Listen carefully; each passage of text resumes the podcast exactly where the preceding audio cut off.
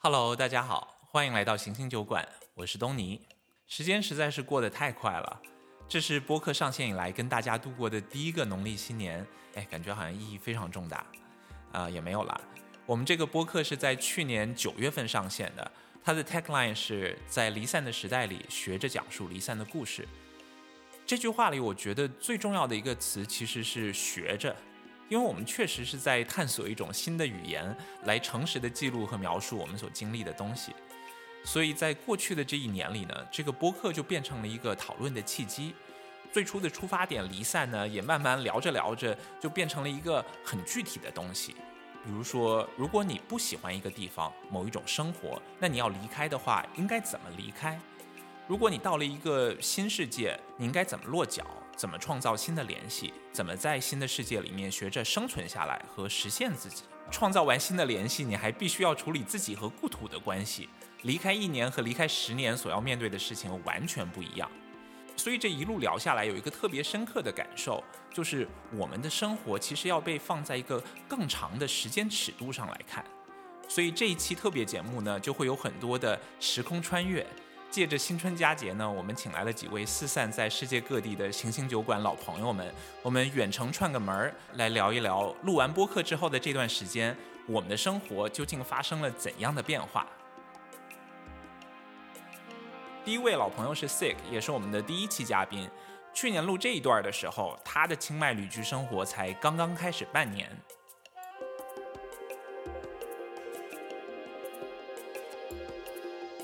对我来说，在清迈就完全是一个升级版的大理。我觉得我经历了很多生活，我我已经找到了最好的生活的模样。我只是需要一个空间，把这个东西给塑造出来。比如说，我们现在坐在这里的是录播客的这个地方，是我们在清迈租下的一个新家。然后我就发现，最近很多来我们家的朋友，我已经数不清楚，在这个租下来的两个月里头来了多少人。而现在，Sick 来到清迈已经有一年多了。欢迎 Sig 回到星星酒馆。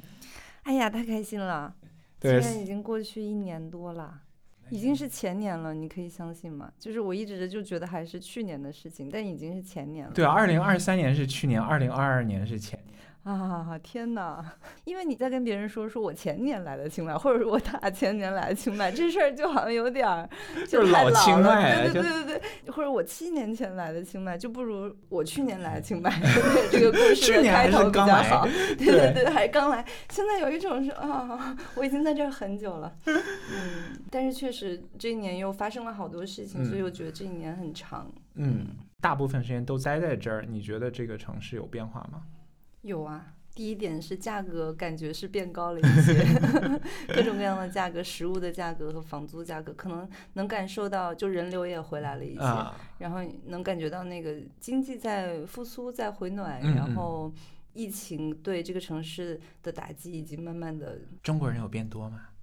中国人一直很多，其实我来泰国之后，我才发现。泰国的华人比例在全球是排前五的，嗯所以这边的中国人或者说华人吧，就特别多，他们说中文的也很多，我就默认为这儿跟云南就是一个地方。我自己身边也有很多中国朋友，嗯嗯，来，所以我就一直觉得中国人一直很多，但是他西方游客也一直很多。我没有数据说，哎，中国人有没有变多？嗯，但是呢，我绝对是发现我身边的什么。中学同学啊，小学同学啊，这些变多了。就是在这个地方，我就遇到了一些很神奇的人。中学同学和小学同学，你在清迈见到了 是吗？对对对，不是说巧遇或者什么，而是去清迈变成了一个很好的一个一个借口，就是大家知道你在那儿，然后就会问一下，一问，哎，那你就来了。对，这种感觉就很明显。就我在大理的时候，大家也很乐于去大理说看看我。我说在深圳你怎么不来看看我？然后到了清迈之后，你就感觉哎。因为以前大家可能没什么或不知道这个城市，对于国内大部分人来说，然后有一个朋友移居去了那个城市，嗯，就构成一个很大理由，哎，我去那儿看看怎么样？嗯嗯，对，所以我能感觉到，就是比如说大理人带人啊，引来的就是一波人潮流，这个在清迈也正在发生。嗯嗯，对我在这边还有经常就是一个朋友说，哎，我有个朋友去清迈，然后就变成了，我原来以为我我过来隐居的，然后就发现在这个地方的 social 密度其实是也可以是非常高的。对，我在清迈有一个本地的朋友，他啊比我来早三年嗯左右吧，然后。他有一天就是跟我在我们家附近吃饭，因为我们家其实不在清迈的市区嘛。嗯嗯，然后他就说：“哎呀，我很少来你们家这片儿，你们家这人太多了。”我说：“什么？我们家这人还多，郊区你还嫌人多呢？”他果然就是搬去了比我们家还要嗯更偏一些，可能离市区就得一个小时的地方。然后嗯在那儿，他说：“要是人再多，我就得搬去青岛了。”最初的那一批，是嗯。追求隐居的那批人，在清嗯迈确实可能受到了一些影响，嗯太热闹了。那你在这边有交到什么本地的朋友吗？哎，一不小心穿越回了去年，这段是我们当时的讨论。比如说你跟泰国人去交朋友、去交往，你在交往的过程中，你真的会发现，他们思考事情的方式嗯和他们做事情、处理事情的方式跟你们很不一样。以前呢，在国内生活的时候，我的工作其实经常在海外出差。我一直觉得我是一个非常国际化的人，但是真的就是，我觉得出来生活了半年之后，你再回顾自己当时的那个状态，你会发现你的很多的想事情的思路方式、跟人打交道的方式，你的很多对于这个世界的思考是很中式的。而现在我们聊起同样的话题呢，好像又进入了一个有些不一样的状态。有交到很多泰国朋友，嗯，有很多都是因为我们从事的都是 Web 三领域。嗯嗯，其实我觉得 Web 三或者是 Crypto，它已经是一个社区，因为它代表了一种文化。什么样的契机让你遇到他们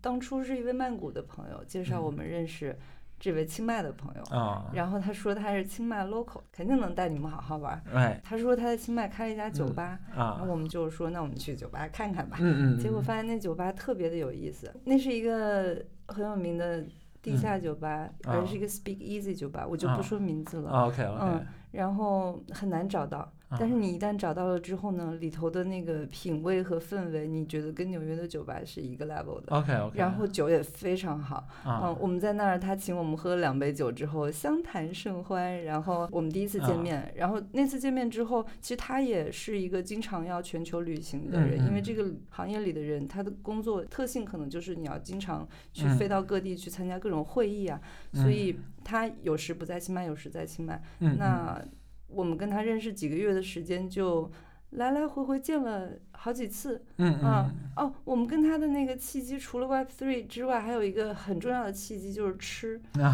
我们刚跟他认识的时候，我就问他一个问题，我说你给我推荐一下那个你觉得好吃的餐厅嘛？因为是本地人，对吧？对他就给我推荐了两个小店，啊都是那种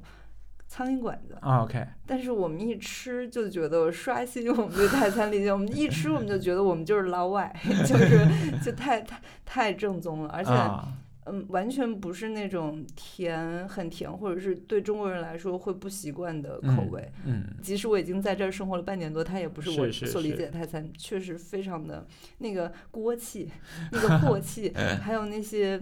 比如说它的那个汤底，嗯嗯。嗯，粉的汤底里头会滴两滴猪油，这种操啊。作、就，哎呀，非吃货就是常到位吃到一起对去了然后他推荐给我们的餐厅，我们都超级喜欢。啊然后我们就表达了我们对他的品味的认可。我说：“啊你看，你这酒吧也开的这么漂亮，这么啊有品，然后推荐的餐厅又这么厉害，你真是一个有品位的人。”然后啊他也很开心，然后我们就持续的保持这种餐厅的推荐。他前段时间给我们推荐了一家就在我们家小区门口的餐厅，我们已经在这儿住了一年，我们完全啊没有就意识到这家餐厅的存在。我们五个人点了二十多个菜吧，全吃啊光了。我说天哪，这是我们家门口的餐厅吗？我这也太老外了，我我居然不知道。我在这边一个本地的朋友是怎么认识到他的呢？嗯，是我在打 Grab 的时候，他是我的司机，然后呢，他就突然间播了一些很九十年代的一些英伦摇滚的一些东西，然后我就怎么回到了我我初中的时候开始听这个，然后呢就开始跟他聊，结果呢，就发现他是一个特别神奇的人。他在两分钟的介绍里面，大概他有几个不同的头衔。他既是一个私厨，他又是一个职业的自行车手，嗯然后呢，又是曾经就是住在佛罗里达，他就特别有那种佛罗里达的那种范儿，就是你不知道他是干什么的，太神奇了，你怎么这样？然后就一来二去就熟了。一个是他住在我家附近，他就经常开着车就过来接我了。然后他不是会做饭嘛，然后他就经常他做一些东西，他就哎我多做了，他一口气给十几个人做，他就很容易做多，做多了我就顺便路过你家的时候，我就再给你烧一点儿，然后一一来二去就这么着就熟了，然后就特别的神奇，就哎，嗯 我有个邻居还跟我关系挺好的，对。有一个本地朋友的感觉就很不一样了哈，是是城市的是是感觉就更有那种亲切的感觉。对对对，有没有想学泰语？有有有，就是我现在嗯就是非常羞愧，就真的是下定决心要赶紧把泰语学起来。我也是你学的怎么样？我不怎么样，我主要太忙了。我觉得泰语真的是一个值得花时间去学，因为我已经学完了它的字母，虽然我还没有完全记下来，但我知道，就是你花可能三十个小时，比如说嗯你就能记住一部分的词和那个字母，然后接下来你再花更多的三十个小时，你就可以对话。嗯，反正它是一个一定是值得花时间去做的事情，因为我嗯们这么喜欢这个地方，我们要嗯生活在这个地方，我们想要跟本地人建立更亲密和友好的这种接触，因为这个体验太不是是是是一样了是，就我过去这一嗯年的主题，一个很大的主题就是重逢。我们虽然住在一个城市，但是过去这几个月，其实大家都特别特别忙，然后嗯嗯嗯然后就都没有什么联系。我这边忙着什么呢？就是连着有三四家的朋友的父母来住在我现在住的这个空间里面，然后呢，就是大家一起来重逢这个样子，都是四五年没有见了，然后再重新见。这个事情就是特别特别情绪上，虽然说我、我之前我想的是，哎，我就是提供这个空间嘛，嗯结果我得先接待我自己的爸妈，接待完我自己爸妈之后，又得看着朋友们接待他们的爸妈，然后就就完全每天家庭都在上演李安的电影，你知道吗？嗯，那你现在有没有变得就比较有经验？就是如果你再有朋友带爸妈来，你就有一种哦，我太有经验了，是吧？第一个是，如果很久没有见到爸妈的话，你是一定会崩溃的。而且呢，他一定会是以一种很东亚、很中式的一个方式，就是你不要想着说你之前我我已经看了三四年的心理医生了，我已经把该处理的东西都处理了，我就要非常坦然的、坦荡的去面对我原生家庭的问题。这些事情就是，当你见到了你爸妈那一秒钟的时候，你马上就会不可能不回到一个小孩的那个心理状态。还有一个就是。一开始见面的时候，大家一定会有一个绷着的状态，或长或短，但是大家可能心里想的就都是不要吵架，不要吵架，不要吵架。这个东西是我和朋友的爸妈验证过的，就是我一说，他们说真的是这个样子。另外一个就是哭和吵架都是好事儿，嗯嗯，就是怎么去和很久没有见到的父母重新的去认识对方，有的时候就是要展现自己的这种 vulnerability，这种很脆弱的这个嗯状态。你有这种状态，大家才会互相展现脆弱嘛。那有的时嗯候东亚父母未必能够这么主动的展现脆弱，但是我们可以嘛。先接接纳自先己，接纳自己，对对对，你是一个什么样子，你有嗯什么创伤。你如果去真的去有这种情感上的碰撞的话，碰撞之之后，就是大家都会有一种比较抒发的感觉。嗯嗯，对，嗯其实你如果就完全接纳你自己，你会发现其实父母没有那么不能接纳你。我的一个成长，就是嗯 coming of age 的这样的一个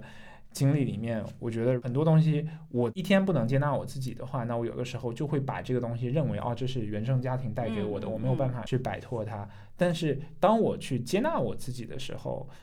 就是父母接不接纳你，那是他们的作业了，就不是我可以控制的事情了，嗯嗯嗯嗯它就突然间变成一个特别坦然的事嗯情。嗯嗯，对，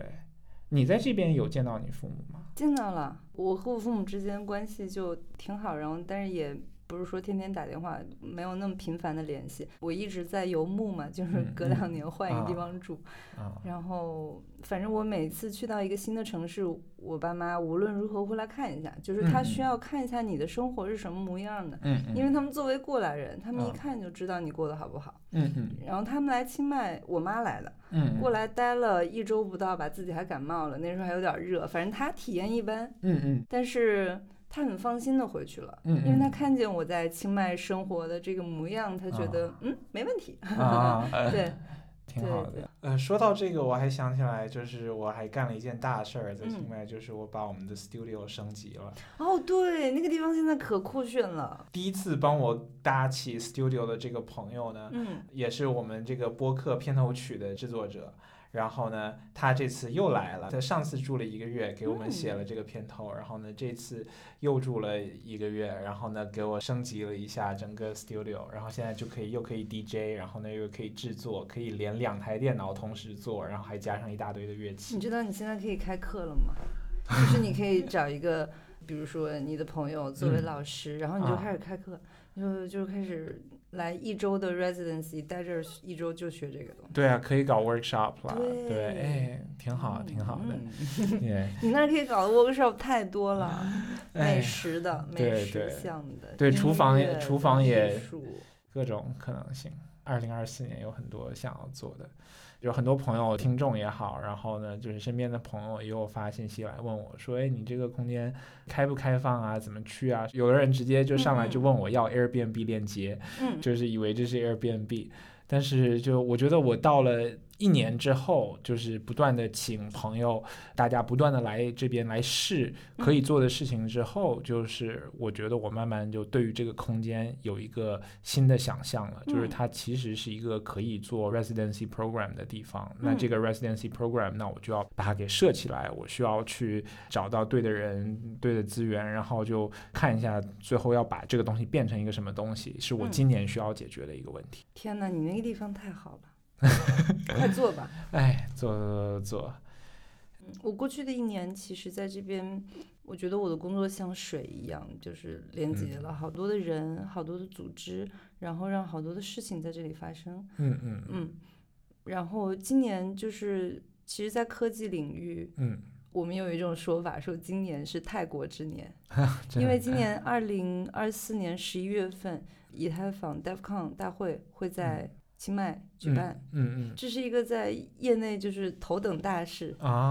届时 来自全球的技术专家都会嗯汇聚在曼谷。，OK，但是因为在 crypto 领域有很多的 digital nomad，嗯有很多嗯数字游民，他们本身就处于游牧的状态，所以他们酝酿这个十一月份的大会，他们可能提前半年，他们就要往泰国这边来哦看一看、走一走。，OK，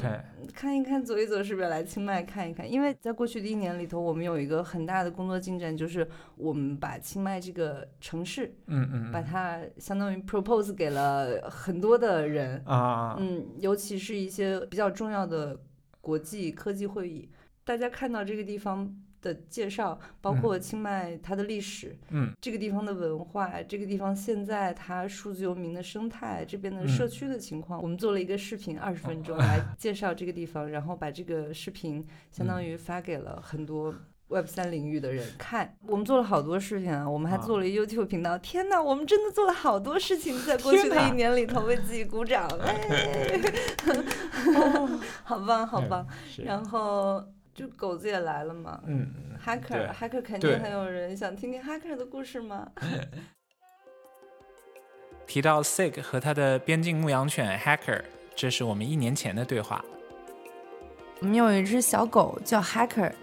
它最早是我们刚搬去大理的时候认识的一个白族朋友送给我们的。然后我们去年十月的时候要离开，然后决定搬到国外嘛。嗯然后当时就觉得有一个很重的责任，因为有一个狗子。这时候你看社区的重要性就体现出来了。这是我们的好姐妹，她站了出来，她说。哎，没事儿，我可以帮你们养这狗子。二月份租下了就是这个房子，我确定我已经有一个家了在清迈，然后这个家是一个宠物友好的家，跟房东也已经确定好这个事情。我觉得 everything is ready。我说，哎，可以了，我这边已经准备 OK 了，你们买机票吧。你们他就开始同步的安排，把它严丝合缝的给完成了。我觉得这个协作的完成。他的那个初衷就是为了爱，我们都爱 hacker，然后我们希望就大家可以团聚。真的，他你说这个达成这个任务，他也不为了钱，他不为了任何东西，他就是为了大家能够快乐的在一起。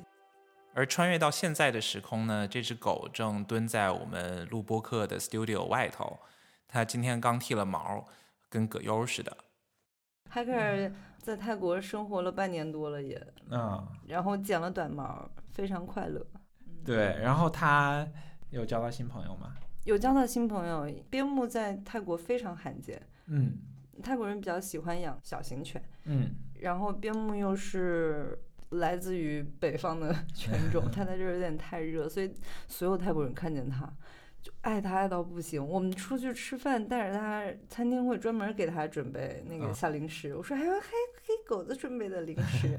然后我们去吃火锅，带着他，然后那个服务员也不上班了，就嗯过来跟他玩儿，然后把自己口袋里准备自己可能就是。休息的时候吃的小饼干什么全都喂了哈克，嗯嗯就是我觉得他在这儿特别幸福，嗯嗯，，充分感受到了泰国人民对他的那种喜爱。就是这个让我说的，就是有，哎哎呀，说的这个还还可是在撞门了。对，这个让我就觉得哈，有一种担心，其实嗯就在这个地方住久了之后，我会变成一个毫无心理防备的傻白甜，就是就是我就不止一次的在城里面，要不然就是手机落在那儿，充电宝落在那儿，然后呢，呃，钥匙落在那儿，整个钱包落那儿，嗯反正嗯丢了丢了把整个城市当做自己家客厅了。去年对我来说是真的离开中国，在海外长期生活的第一年。我之前嗯。经常出国，嗯，工作呀、出差，就我说那种嗯。短期你在一地方待，嗯。哪怕最长的我在东非也待了一个半嗯月，嗯但那个一个半月是有点住在那儿的感觉，啊。有点本地居民感觉，但是还是是。跟这种就是你彻底搬出来嗯嗯，很不一样。对，就是我我经常会坐在家里环顾我们家，就觉得哇哦，这一年我们真的做了很多事情。过去的一年里呢，很多和 Sig 一样的朋友选择在他乡定下来，进入了一种介于旅居和移民之间的状态。而另一位朋友 H 呢，则在流动中找到了新的生活方式。上次和他聊天的时候呢，疫情带来的出境限制才刚刚放宽，我们两个就是久别重逢，执手相看泪眼，都不知道这种相逢究竟是不是暂时的。我们都还处在一个非常情绪化的状态里。我在香港见了仅剩不多的朋友，基本上所有的朋友，在见完一面以后，会大家会发消息说，咱再找时间见一面吧。就是聊的不够，就是不够，你但其实聊什么呢？也是 catch up。和以前唯一一个不同的聊天内容就是你什么时候阳的，只是我们很急切于去补回一段好像就是凭空消失的时间一样而已。就是你在隔离的时候说，哎呀，好怀念跟朋友面对面坐在一起啊！但你真的坐在一起的时候，你才知道那个怀念到底是有多怀念，是是比你在自己的小房间里关着的时候的怀念还要怀念十倍。而现在呢，让我们穿越到一年以后，H 老师在过去的这一年里面，可以说绝对不是关在小房间里的。我们当时那时候我是三月初去的嘛，待到四月初差不多对那段时间。对，然后那段时候，我们当时的录音里面也有提到，就是属于一种正在康复性训练的时代，对，所以大家对于再出去玩儿、再去见到好多年没见的朋友，在那种非常生疏的一个再适应期间吧。然后就是我今年这这一个三百六十五天里面，你看我在泰国的时候，我们俩待了一个月吧。对，然后在九月底的时候，我又去北美待了一个月。嗯，然后在十一二月，我去了两趟日本，然后又待了，合起来又有二十来天，哇哦，那今年大概有四分之一的时间不在国内了。可能四分之一的时间不在国内，然后不在家里住的时间肯定是有一半了。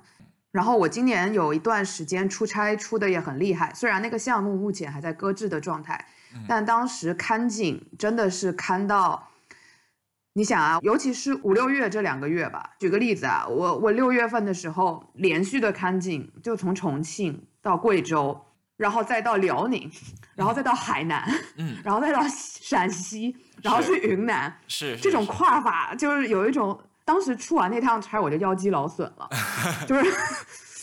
出到有一点报复性出差，对我来说，虽然这个差不是我提的，我觉得现在这一次就是慢慢又开始流动起来之后，我觉得特别特别严峻的现实就是 我的体力有点跟不上了。真的，我就原来觉得好像每天可以暴走啊，可以去其他地方，我现在就真的不能暴走。就是特种兵退役了。对，就做不到了，就好多时候得在家躺着，得在这个地方躺着，得 chill 个三四天，你才能狠狠玩一天。对我现在回想起来，像六月那种行程，其实不是说非常非常的特种兵，因为比如说你坐高铁去到一个地方，然后再坐一个车去到底下的乡镇，然后你就在那乡镇里待两三天而已，然后。你也不是每天都在街上走，然后你的接驳也比较顺利，你不是一个站在街上拿个牌子的 road trip，然后你也不是那种在机场过夜，年轻时候那种极限的搞法，结果腰还是坏了，你知道，我人生第一次腰肌劳损，就是从床上爬不起来，然后拱着屁股在家里，哎呦我的天呐，好屈辱啊！那时候摁了一个月才摁好。你是什么时候发现今年有点跑不动？我觉得这个和我的受伤是联系在一起的，因为我受伤了之后就基本上那个不太能走路，没锻炼了。对，嗯，一直在游泳，但是除了游泳之外，其他的这个有氧其实是挺难的。我二零二三年一个特别大的一个主线就是慢慢的恢复到一个 semi normal 快正常、差不多正常的一个状态。我前两天就开始去一下夜市啊，就觉得哇，我已经大半年没去夜市了，然后又开始去酒吧喝酒啊，就有点儿，嗯 在疫情之后的一年，才反而就是很讽刺的，慢慢的去对接一个正常一点的生活。是，我就记得我们都在泰国的时候，你也不怎么喝酒嘛，对，你那时候然后背也是很容易不舒服嘛，那时候刚刚把背痛的事情弄好。就属于一种非常小心的在恢复的一种状态，因为你也现在也不敢冒进，你知道吗？这种对对，现在这个年龄你冒进一下，你可能下一年你又摆烂了。真的真的真的，然后就觉得哎，我在一个比较安静的地方住了一段时间之后，然后突然间又进到城里面，然后呢又开始听现场，然后觉得哎，我其实很想念这些人潮啊，这些热闹的烟火气息，就觉得还挺好。原来想。离开的时候只觉得哦这些东西很烦，然后现在又看到了新的美好的东西，就是可以徐徐开始现充一下下。对对对对对。你今年除了纽约和清迈，你还有在哪里常住过一段时间吗？没有了，就是我二零二三年比较的安定，就是我就图一个安定，就是体力上以及精神上、工作的强度上都不太允许我特别的奔波，因为你一跑起来，你其实很多要做的事儿，你其实不太有那个心思。对，但是呢，我决定就是下个月去墨西哥城住一段时间。嗯，因为上一次去的时候没有好好的逛，然后呢，这一次就是想要真正的好好的吃一段时间，玩一段时间，住一段时间，到时候还可以见一下 Iris 什么的。对啊，他也一直在忙他的店，我看他的 Instagram 上挺好的。我们聊到 Iris 和他在墨西哥城开设的小酒馆，这个在播客里面专门有一整集分享的故事，也是 H 老师在过去的一年旅途中偶然间碰上的。就我当时在萨尔瓦多冲浪的时候，认识了一个德国女孩，她以前是做金融的，那她也是就是 quit her life，然后 travel 这样子。就我们有一个类似的 path，然后我们才认识两三天，就连接非常的深刻。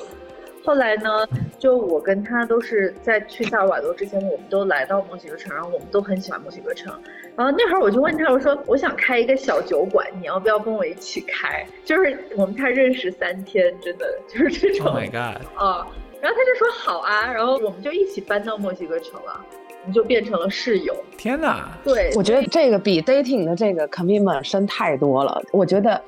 就突然间就是住一起，然后在一起创业了，这个简直了，太有缘分了。不知道播客上线之后有没有听众跑去吃？就好多人来问我这个餐厅，真的有人去吃。我当时有一朋友，他去墨西哥参加类似于一个驻地还是双年展，我忘了，一个艺术展的活动。嗯，他跟一帮广州那边的艺术家，他们在一起创作，然后他们就一起去了。去之前，然后他习惯性的可能看看我的微博啊什么的，然后有那个播客的链接。嗯，然后他一听完，听完以后就发现 Iris 的店好像就在他们附近，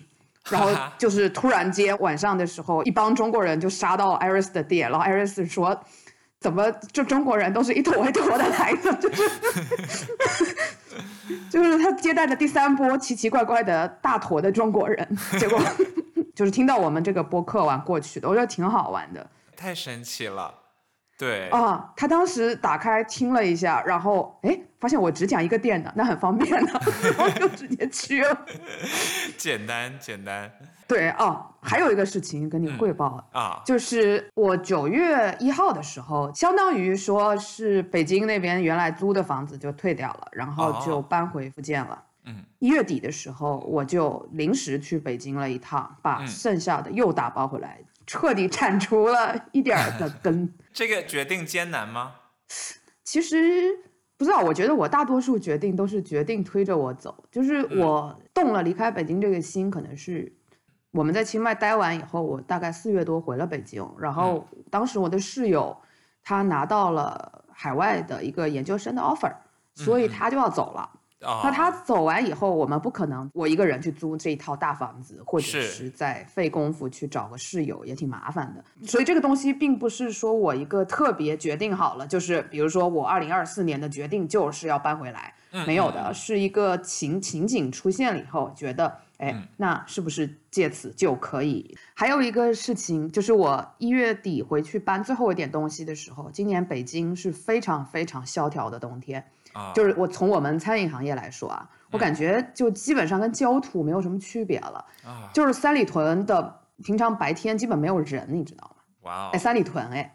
然后有麦子店是一个北京堪称这个北京塞纳河啊，然后周围有很多原来是日本人聚居的很多地方，然后也是特别多小酒馆儿和好玩的小店、密集的地方。那边连口碑最好的、做的最好的小酒馆，居然前两个礼拜就都停业了。真的啊就非常的可怕。就是有一种你在前三年亏空的钱，呃餐饮一年下来，肯定你不同的品类有淡季跟旺季嘛，对吧？对你可能冬天就都是去火锅店了，但夏天大家喜欢吃烧烤，每个品类也都有季节上的不同。但是当你的抗风险能力被之前那几年折腾的已经完全不行的时候，嗯稍微一个淡季，其实就可以整垮一大片。哦，特别可怕。然后做餐饮的朋友也有跟我一起聊的，嗯就是他们各自遇到的困境，就像你得了新冠一样，你嗯之前很多别的病会因为你的抵抗力降低而被放大出来，对，对所以很多人新冠以后可能脚瘸了。嗯或者是很多人新冠以后可能得了一些新的病和肺部感染完全无关的病，都被激发出来了。是所以现在这种状况就是 Mad Max，你知道吗？我感觉 去那边 一片焦土呀，天哪一片焦土。哇，然后我就觉得，就都这样了，你想，我感觉这个行业快覆灭了，你知道吗？然后我就觉得，要不然回来吧，就觉得嗯，回来吧，回来吧，是就是那种感觉。对，其实，在外头就经常和刚出来的朋友聊，就是不管是聊 A 股啊，还是聊他们自己的工作环境和行业，大家其实就是洋溢这一种，嗯绝对是和向上的气息反过来的这这种。是一部分是实际收入的减少，或者是说大家经济方面的一些困境，然后另一部分其实是一种情绪性的蔓延嘛。嗯你的普遍的信心丧失，或者是你看我像我像我去北京，我就觉得天呐，甚至我朋友住的那个房子，它是个老小区，没有电梯的，以往是集中供暖嘛。通常北京这种集中供暖都是还可以的，嗯嗯，因为是那种传统的水暖。在那种钢的设备里面留着，我只在北京的老小区住过，以前都挺暖和。我这次晚上被冻醒，我盖着一个丝棉被，就以往我有的时候热到就是会在房间里盖夏天的被子，冬天的时候因为够热嘛。嗯但现在我就是盖着丝棉被，晚上被冻醒，然后我就震惊了，我心想说这个都跟不上了是吗？我靠！啊，然后我当时只住了两个晚上，第一个晚上被冻醒，我第二天晚上是开着热空调睡的。我心想说，嗯天呐，我什么时候在北京用过热空调？我以前房间的空调甚至没有热空调这个功能。对啊你知道对啊对啊，所以我不知道哎，人就是有一种你知道，嗯那叫什么？一样衰就样样衰，你知道吧？啊啊然后啊凄风苦雨，秋风扫落叶，我的妈呀！那种体感特别的明显，就下嗯行不只是一个数字嘛，不只是它又很大，它又很具体，然后它又非常无感，是是所以就是有一种你全方位的下行，你知道吧？就是嗯感觉血压都跟着下去了那种。因为最近就是有几个相对年轻的朋友住在家里面，嗯然后呢，嗯他们大概是二十六七岁这个样子吧，等于说是工作一两年之后就95突然间后对、嗯对，就赶上了这样的一个时代，然后呢也裸辞了。就是对他们来说，这又是一个更新的一个感觉，因为他们还并没有说，哎，到了一个事业的中期，或者说更稳定的情况下，就是没有赶上任何好时候，对吧？是的，是的，是的，就是没吃过香的，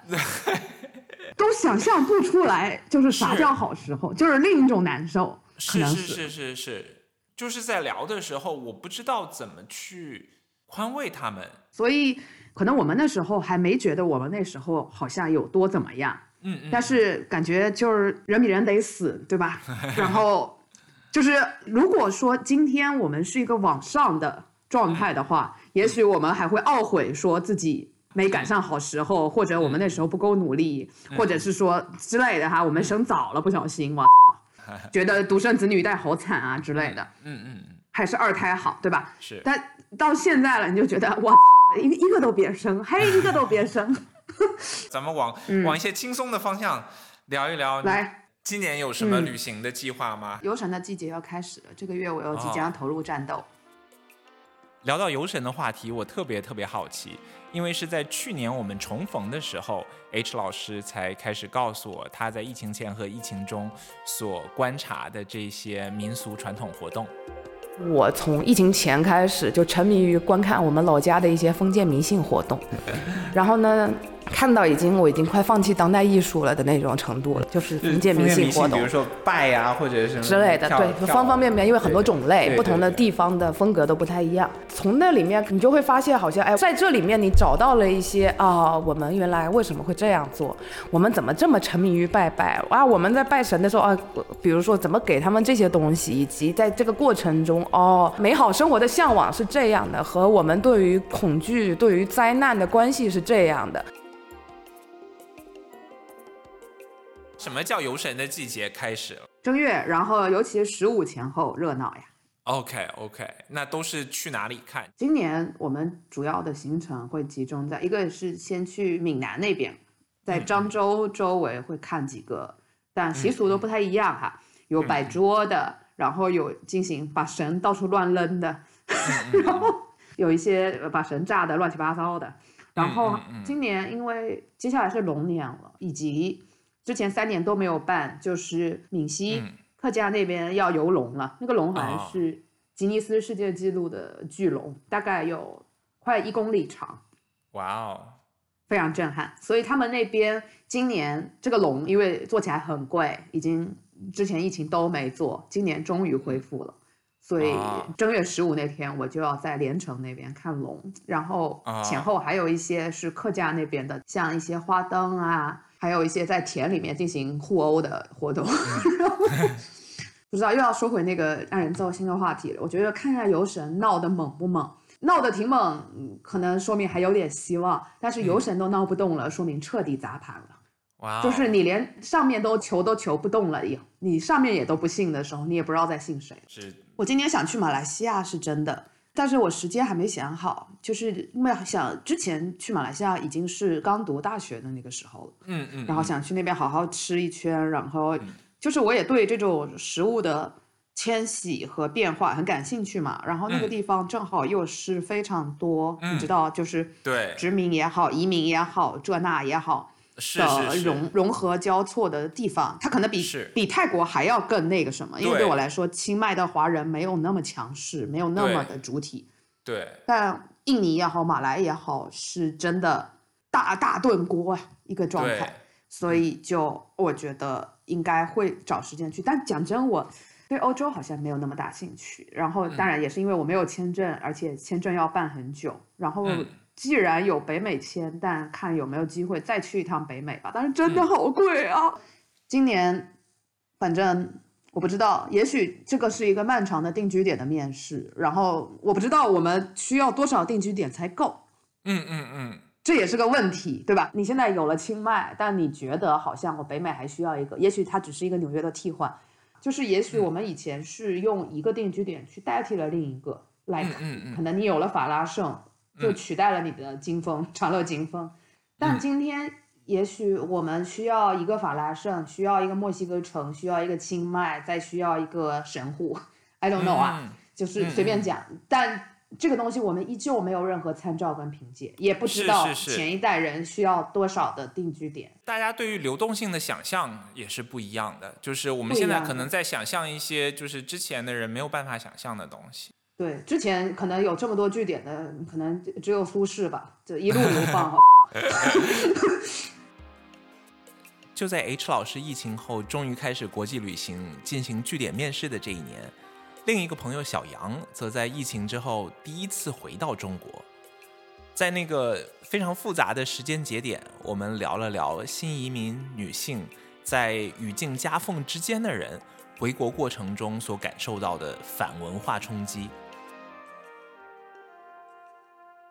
这次其实回国也也就明显能感觉到那种非常强有力的这种吸力，是是是来让我看到了一个，如果我没有离开的话，我大概会是一个什么样的生活，这是我不想要的。嗯嗯嗯，而且就可能或者说，如果我没有离得这么远，是它对我来说就是前线了，就是一个我需要去非常非常 actively fight for 的一个地方。但是因为我离得非常远，我当然觉得说 OK cool，是就是 it's a thing that I notice。就是娜拉出走之，后，还要娜拉回乡省亲。娜拉回乡。对娜拉来说更重要的一个命题，嗯，可能是说你去重新选择和重新建立嗯。和家人相处的方式，是是是，就是你去重新找到如何 give and 如何 receive，是就如何付出爱，如何接受爱，这件事情是我觉得还是挺重要的。当我们处理了这些回国过程中的各种心理包袱以及 emotional damage 之后呢，小杨又回到了纽约的生活节奏里。你上次就是娜拉回门之后回来，现在多长时间了？我从娜拉回门之后，十月中回的美国，然后啊我的生活就一秒就一下一下子儿的一下就过去了，哎，真的十月到现在就太可怕了。对，然后生活就儿的一下过去了，然后在这个过去的这一段时间里面，没有在对家庭的创伤进行任何的 metabolizing。怎么说呢？然后，所以你要给我打电话，我就说嗯，没有进步，因为我就立刻进到了我的生活的节奏里面。嗯嗯嗯，这个节奏是，就像你一开始说的，是一个在资本主义意义下，它生产力极高。然后从我作为一个追求精神生活的人来说，他可能精神上的精神消费大满足的这样的一种。因为就最近这段时间，好的剧很多，然后好的电影也很多，嗯我就觉得这妈的电影那么多。就是这个世界上有那么多的电影，然后一辈子就这么长，我根本看都看不完，但每个都很好看。嗯的这样的一种非常快节奏的状态，然后就哎就已经二月了，对啊，这个时间过得简直是对，但是确实是没有对家庭的创伤进行任何的其他的思考，这是给你一个非常诚实的答案，但在一定程度上，这是我觉得这是一个状态吧，这可以被看作是一种 coping mechanism 嘛？我觉得我爸妈一走，我爸妈来看我，然后一走，然后我就疯狂工作，就感觉好像是和父母待在一起的时候，不管怎么样，你都会变成一个小一点的自己。嗯，然后突然间父母一走之后，自己又要变成一个社会人了。是的然，后就有很多欠下的东西没有做。哎，就是说到工作，你知道我我最近在想的一个问题，嗯，就是我的所有的朋友们离开纽约之后都非常的快乐。呃我觉得有这样的一个阶段，就是刚刚他们离开纽约的时候，所有人都绽放，就是哇，一个一个的绽放的。然后大概是从我们周围所有人开始逃离，无论上海逃离工作、逃离大城市，也过了有一年多了。然后我就发现有一批人还是绽放，然后有一批人开始逐渐的抑郁。嗯嗯嗯，然后在大家都很绽放的时候，就是你知道，你站在纽约，尤其是冬天站在纽约的街上，然后你需要去买一杯七刀的拿铁的时候，啊、你会想说他妈的，为什么我要在这里？它有一些非常明显的原因，就是我的工作，然后我不需要。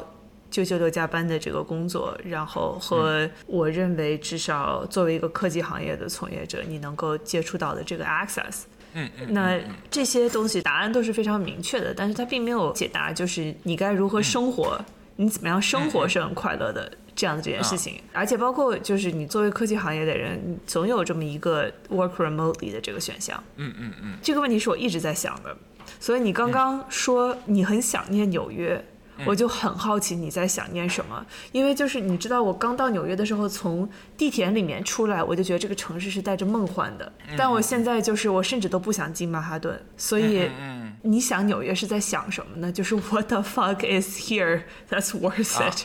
就是 What's not anywhere else？我觉得首先我要回纽约，因为要办事儿嘛，然后也要住一段时间，然后呢，吸取了上一次的教训，就是首先我得意识到这件事情我是没得选的，嗯，所以说就我必须得回去一下。那这样子呢，其实，在现在开始呢，我其实就在进行一个全身全方位的 code switching 大型活动，嗯大型 code switching 活动，就是嗯我要慢慢的把自己调到这个纽约的状态，嗯那我就。我我重新开始看那个 S N L 了，然后前几天一个朋友，一个 rapper Bohan Phoenix，然后他就发了一条视频，就是大概就是纽约地铁一个黑人唱中文歌，然后我觉得哎挺好玩的，就是又是一些很奇奇怪怪的东西。嗯。我是觉得是，比如说我在看 S N L 的时候，我我就在想，现在突然觉得哎有一些 sketch 写的还挺不错的，嗯。或者说我想看 Past Lives，我想在电影院里看，但是我现在只能在电视上看。嗯。那泰国这边它的那个 film screening 就没有那么多，嗯然后呢，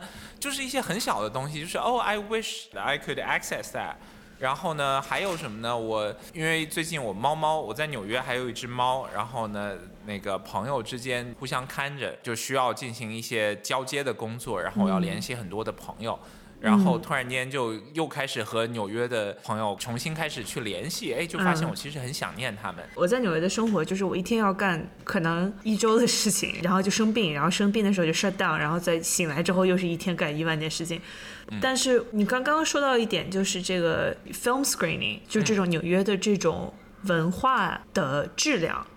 我现在唯一的一个能给自己留在纽约的一个答案是，因为它的文化环境特别好。你知道，就是每一个人，你的大脑其实都是和你每天接触的所有的人和所有的概念的一个平均值。如果我每天生活在互联网上，我可以帮自己 curate 出一个这个信息茧房，然后我就觉得说，我只要有这个信息茧房，我其实到世界任何一个地方，我都可以去搜集上应用信息。但是我又处于一种对社交媒体非常疲惫的状态，然后我又觉得这种信息茧房是非常同质化的。嗯嗯嗯，然后大家感觉在清迈的中国人也好，在墨西哥城的中国人也好，在纽约的中国人也好，就是你去这种把线上的对话挪到线下的这样的活动里面，全都所有人都在说，哎呀，我在线下的空间和一些具体的人做一些真实的连接。但我觉得我自己待在纽约的话，超出这些范围之外，我自己能够被动摄入的信息。来自我的同事，来自中国人这个圈子之外，然后哪怕是来自就是我走在街上，哦，我突然看到有一家书店，或者哦，我突然看到这边有一个展，然后我就去了一趟，然后我就可以想到一些我之前不会想到的东西，而且它不是说我在社交媒体上看到一个 like a good idea，a good snippet of a of a language，然后它从我脑子里面过去就过去了，在我光滑的大脑上呲儿的一下划过。而它因为是发生在我的生活中的，或者是因为在一段很深层次的对话中的，或者是我在一个线下的展里面的，或者是我能够 metabolize 这个想法，然后它它会变成我的一部分，然后它变成了我的这一个部分，它就变成我的观念里，把，它变成我的 taste，它变成我品味的一部分，而且这个品味不是说我通过购买来买来的一个品味，而是通过就是我的生活本身。改变了我自己对事情的选择，而导致的这样的一个品味。我我那天有一个人问我说：“说你为什么想待在纽约？”我说：“因为我第一，我觉得我会变聪明；第二，我觉得我品味会变好。但是这两个话说出来很空。对于这个东西，我有很多的愧疚，就是在我看来，哦，就包括我现在就进行这个大型的 code switching，我也得知道，就是现在我的纽约的朋友们究竟在聊啥。我觉得纽约这一阵儿一阵儿的，大家都看什么剧，都看什么书，纽约客发了哪一篇文章，什么什么什么，它有很多有很多是真的好的东西，有很多讨论是大家为了赶上一个逼格，赶上一个对话，赶上一个 discourse，你必须要追的一个东西。然后我就觉得我在纽约的时候就会非常非常焦虑，一种。一种焦虑就是，哎，我觉得大家都看了这个东西，我还没看，我赶不上了。我去个 party，我都说不上这些东西。I have to have a take. 哎呀，I need to have a take. 而且呢，不在纽约的时候呢，我又会觉得，OK 啊，I'm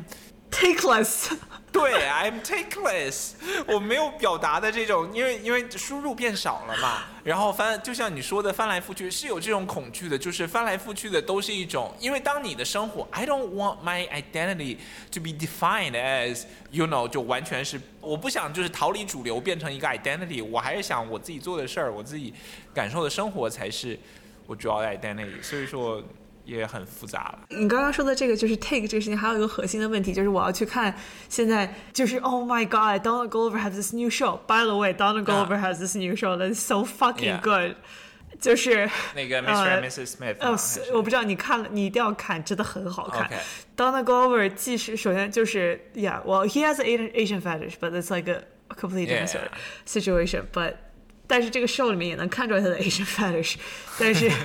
但是好像也没有什么特别大的关系。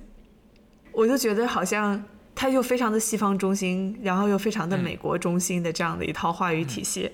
但是在另一方面就拍的很好看啊，他就讲的就很好啊，而且这些里面关于人性的很 universal 的东西就是讲的很好啊，而且我就是在这里面能看到我自己啊，我就是喜欢啊。然后，那我每天就可以，我就同时说，Oh my God，Did you watch this？No, I'm gonna watch it and I have a good time。我就说，这确实是很好。我完全懂，因为我觉得你刚刚问我想念美国、想念纽约什么东西，我一开始我还想不出来，但是你刚才这么一说，我就觉得，哎，我也是花了很多的精力去摄取相关的知识，我也是看了很多很多很多的美剧、电影或者是这些东西，就是写得好的东西真的是写得好，然后呢，有好玩的人真的是有好玩的人，我看很多就是 Kristen Wiig 的 cut。就是在 S N L，就是早年 S N L 这种东西，就是我真的是为我自己喜欢的东西付出了心血，而这些东西是要在那个语境里面你才能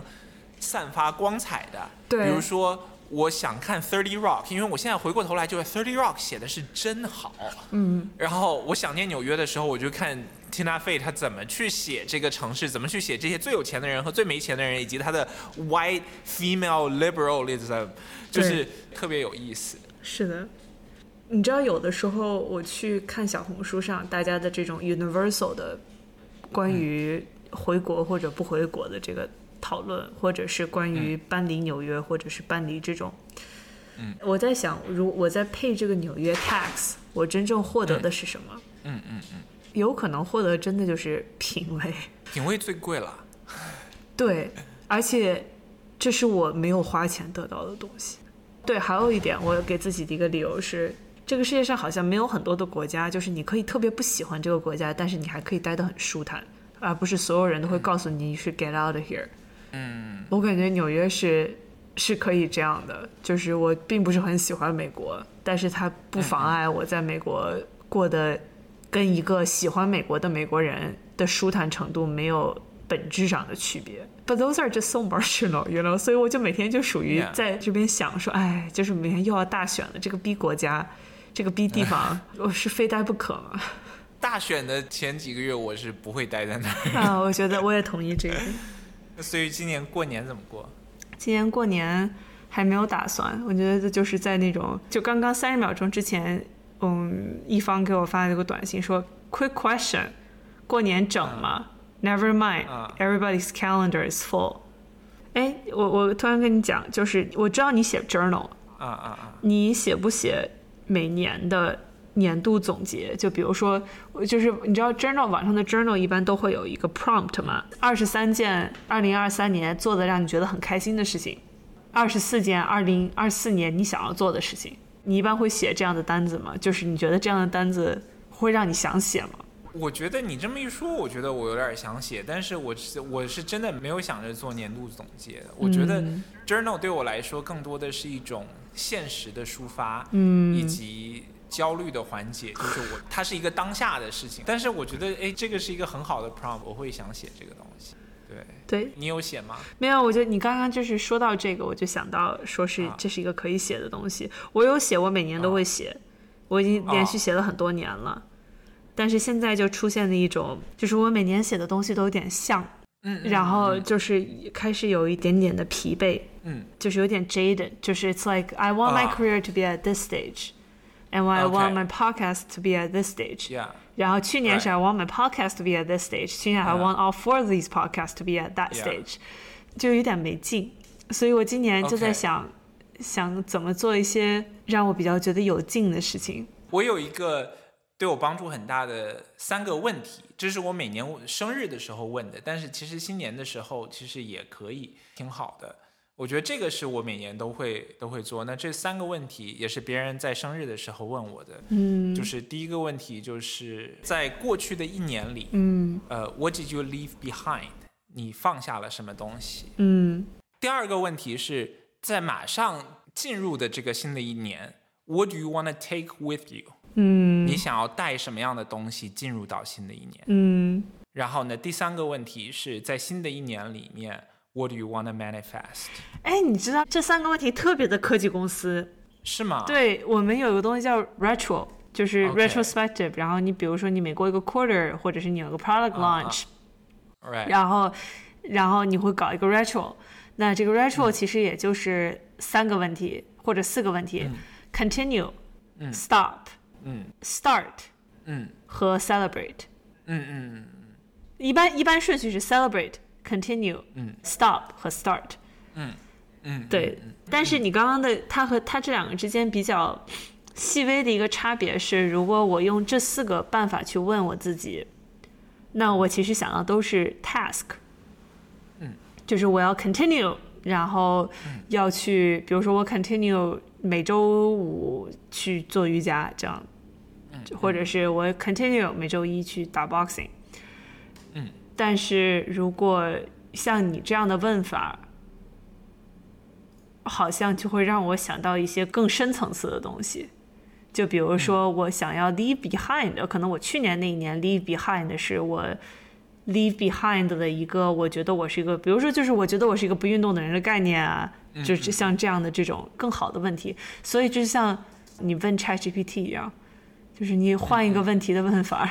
他可能会给你非常不同的答案。我今年其实有一个很强的一个意识，就是哎，我要做更多的公共性的东西。我觉得我恢复的差不多了，我要再往下去做更硬的一些东西了。聊你想聊的东西和聊公共性的东西，其实在一定程度上是不冲突的。嗯嗯因为有的时候你就是想聊公共性的东西，但是 obviously 有一个前提是把你的需要把你自己的精力和和灵感保护的非常好的情况下，以一个不那么痛苦的方式来去做这个事情。你觉得你自己休息就是回过气儿了吗？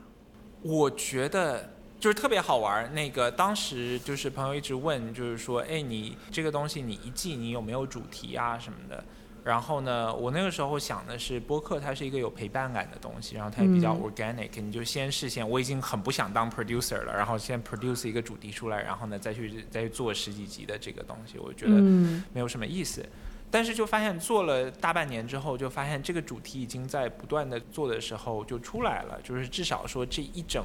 年嗯和大家的讨论，它其实就是贯穿着一件事情，就是久别重逢。就是你和世界久别重逢，你和家人久别重逢，你你和你的自己久别重逢。那这个东西它是一个特别私人的东西，但是它讲着讲着，它就又变成了一个公共性的东西，因为这是至少说过去这一年或者说后疫情时代的一个主题，它嗯每个人都在经历这件事情。嗯我就觉得这个是一个慢慢就是就是有意义了。我一开始会觉得，哎，我就聊一聊很私人的东西，聊聊大家唱不到 K，这在在美国吃不到自己想吃的东西，这个东西有意义吗？嗯，然后我想着想着，现在回过头来，哎，它其实是有意义的，它是一个我们这个很特殊的一个时代，我们大家都在经历的一些东西。在过去的一年里，小杨选择留在纽约，而同在一座城市的另一个朋友梦也在纠结一样的问题。那个时候，梦已经在纽约住了十几年，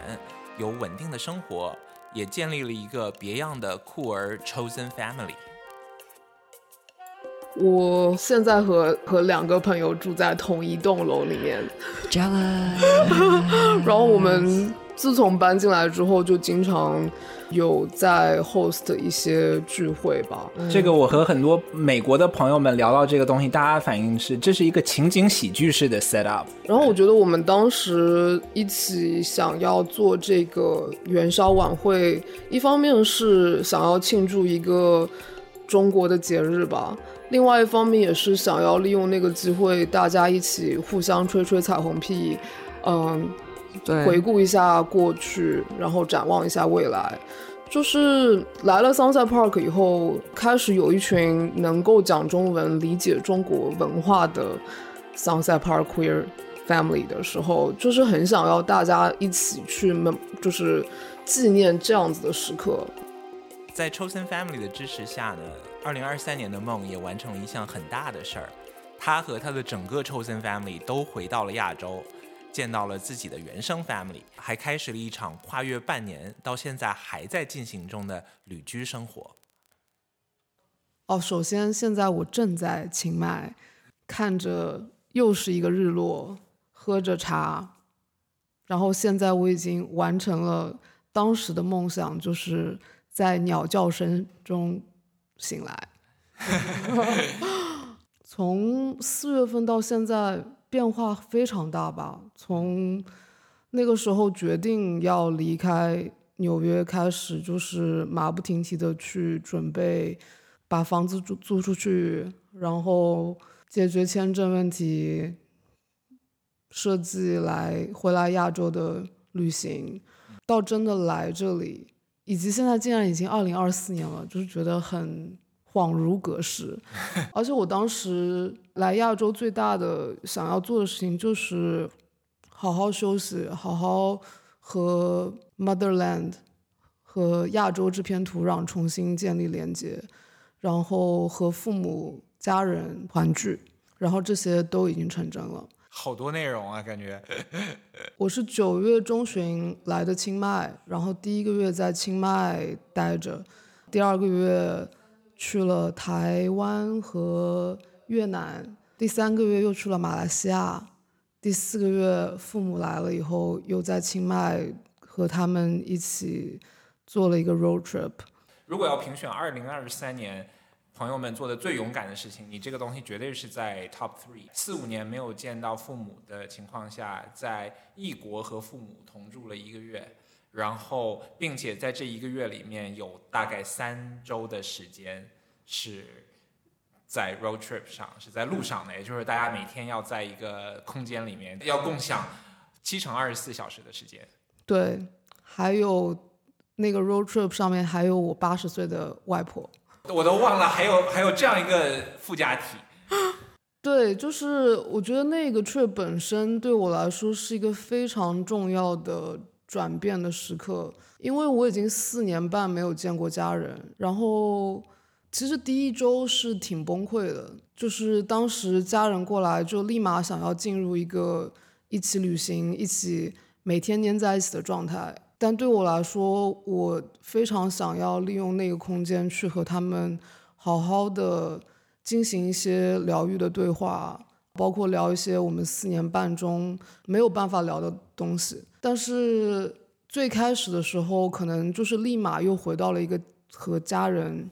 小时候的一种相处模式吧。对，就是那种最开始很想要维持一种和平的表面。嗯，他并不是说要撕破脸或者什么的，但是好像就是不敢进入一个深海吧。因为知道一进入这个深海就是一个情绪的深海，里面你也不知道，在你和家人碰触的时候会碰撞出什么样的火花，因为它必然是要展现出非常多的脆弱，不仅是我展现脆弱，也是要我父母家人展现出脆弱。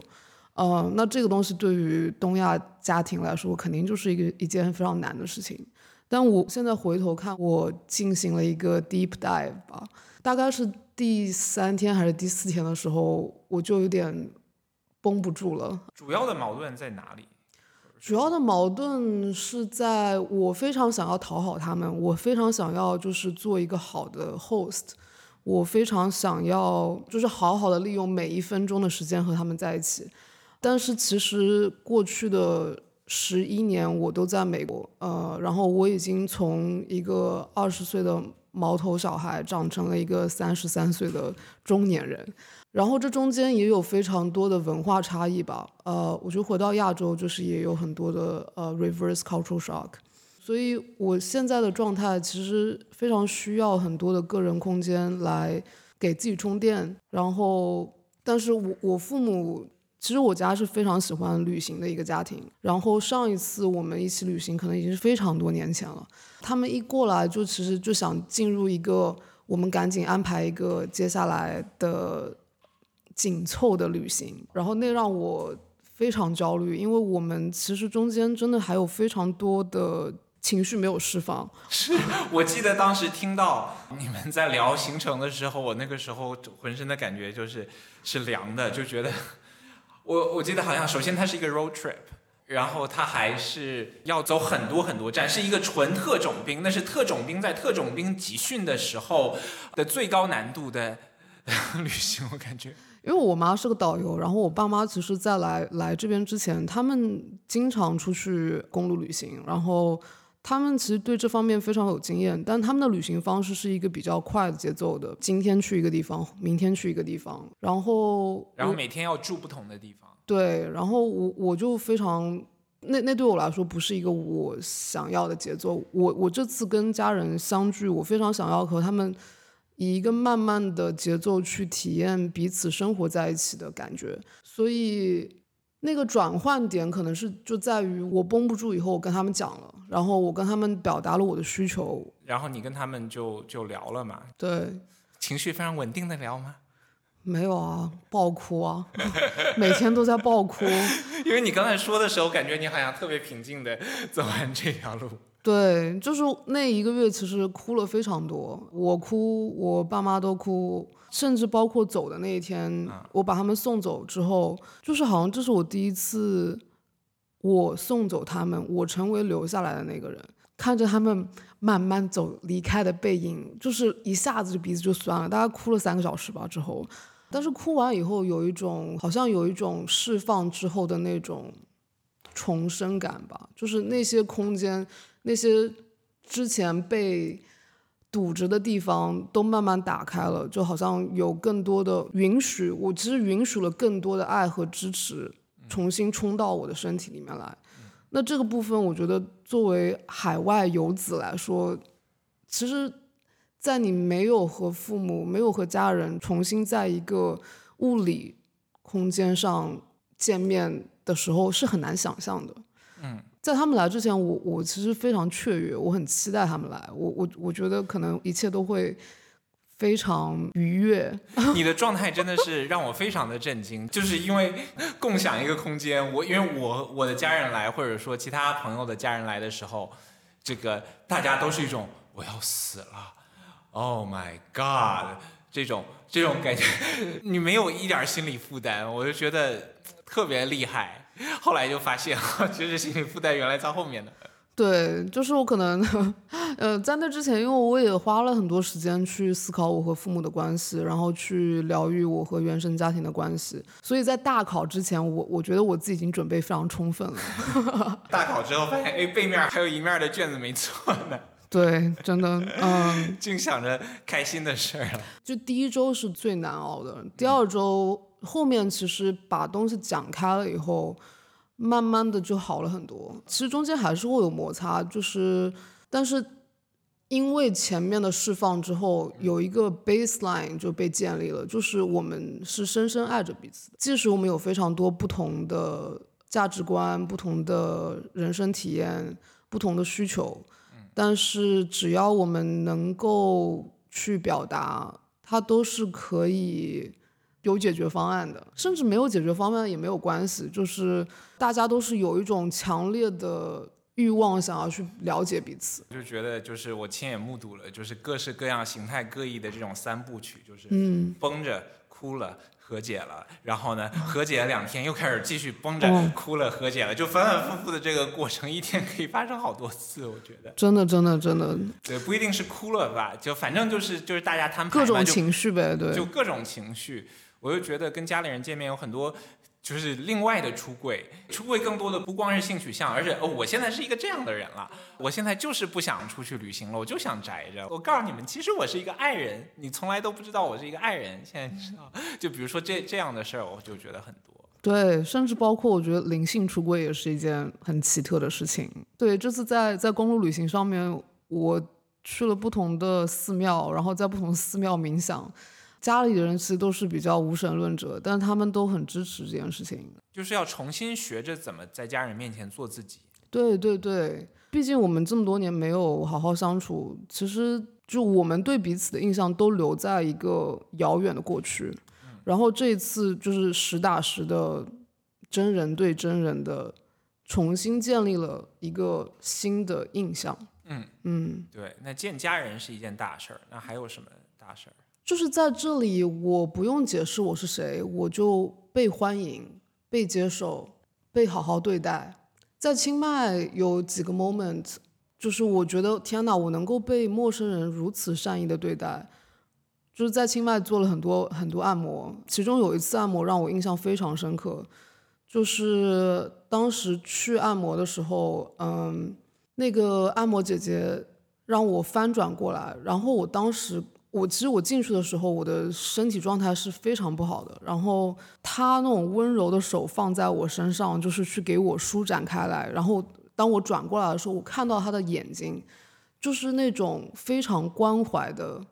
看着我，非常温暖的想要去治愈我，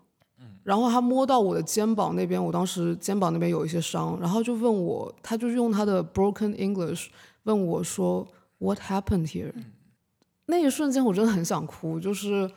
我知道他这个可能也是一个生意，但是在那一瞬间我感觉到了实实在在的一种被关爱，还有就是在不同的地方都是有一种。我可以，就是我不用再以一个哦，as a Chinese immigrant，as a queer artist，as a blah blah blah，就是去掉这些前缀以后，我依然是一个值得被好好对待的人。嗯，可以和世界产生联系，不要一直用就是很美国式的 minority 的语境来 define 自己。我觉得对，还有在这边，我觉得看到大家其实。在很认真的好好过生活，那么多人跟我在外表上长得差不多，他们都在很认真的过生活。这件事情，还有看到很多人就是带着那种轻松的微笑，这种轻松的微笑，我觉得在美国我很少看到。是我有些朋友就是可能几个月没有见到我，然后跟我视频的时候就说：“哇塞，你这个生命力爆棚啊！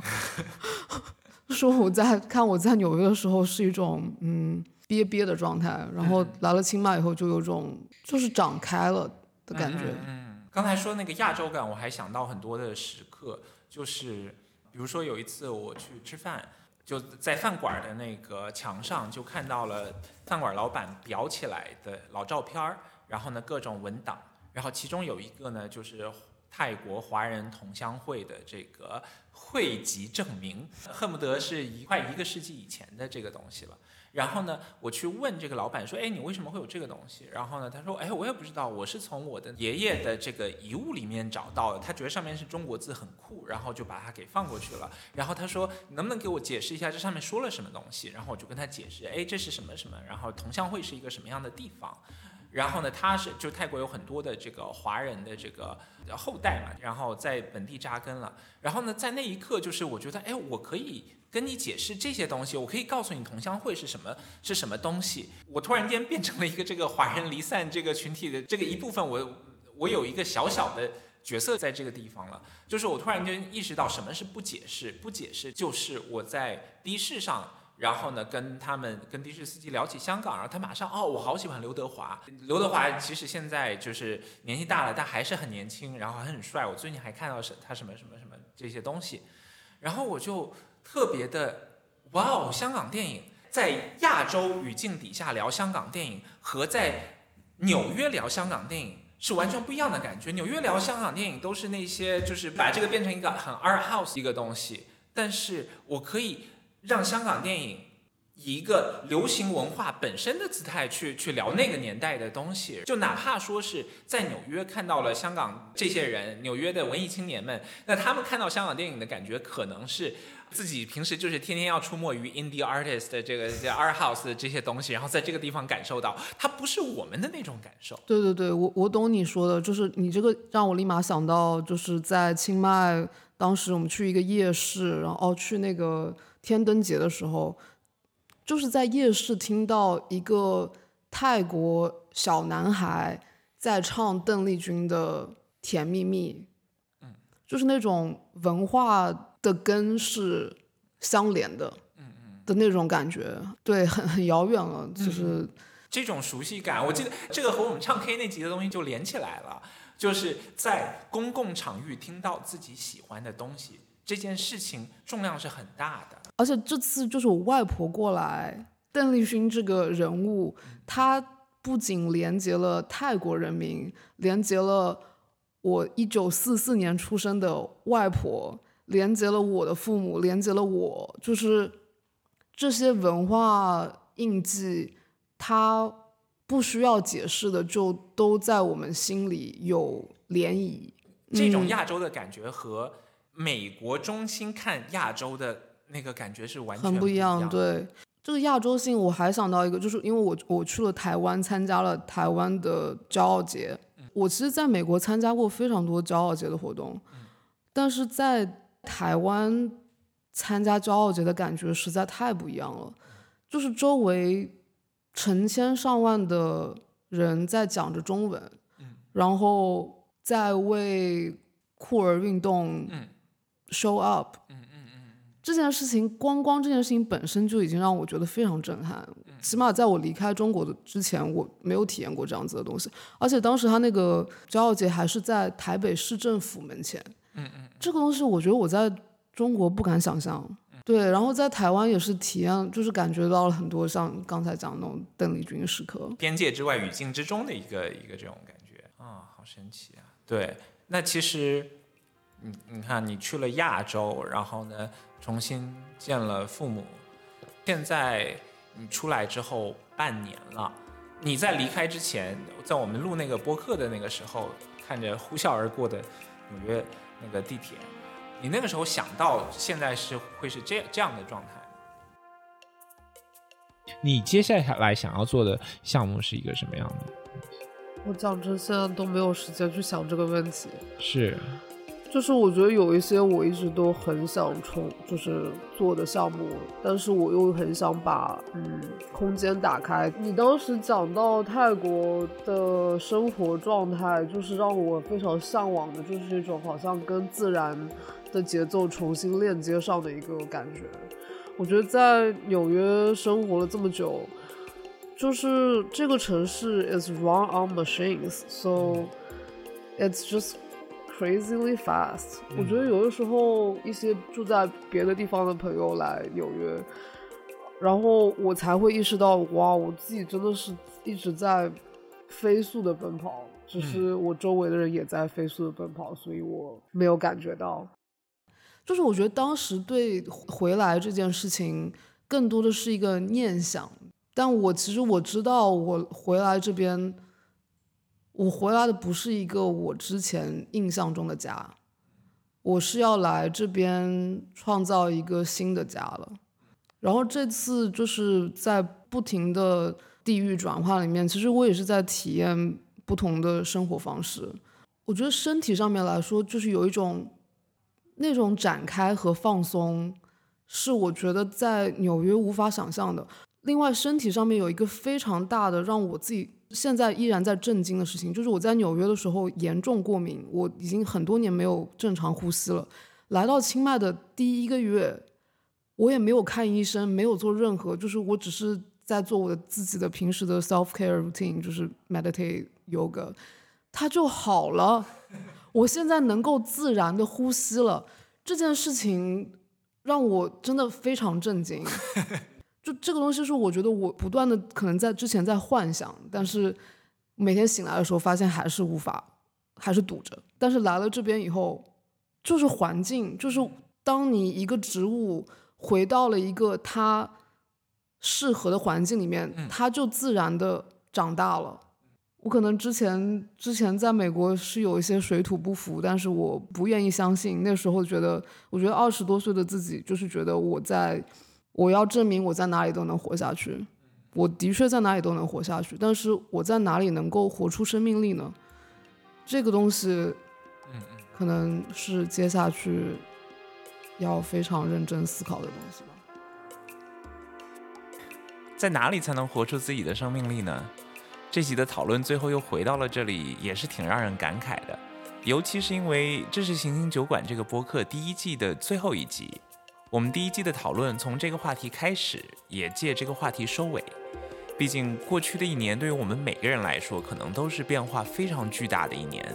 你可能换了生活的地方，也许辞掉了很卷的工作，有人经历了不少重逢，与此同时也可能经历了更多的告别。兜兜转转，最后还是回到了这个话题：在哪里，怎么样才能活出自己的生命力？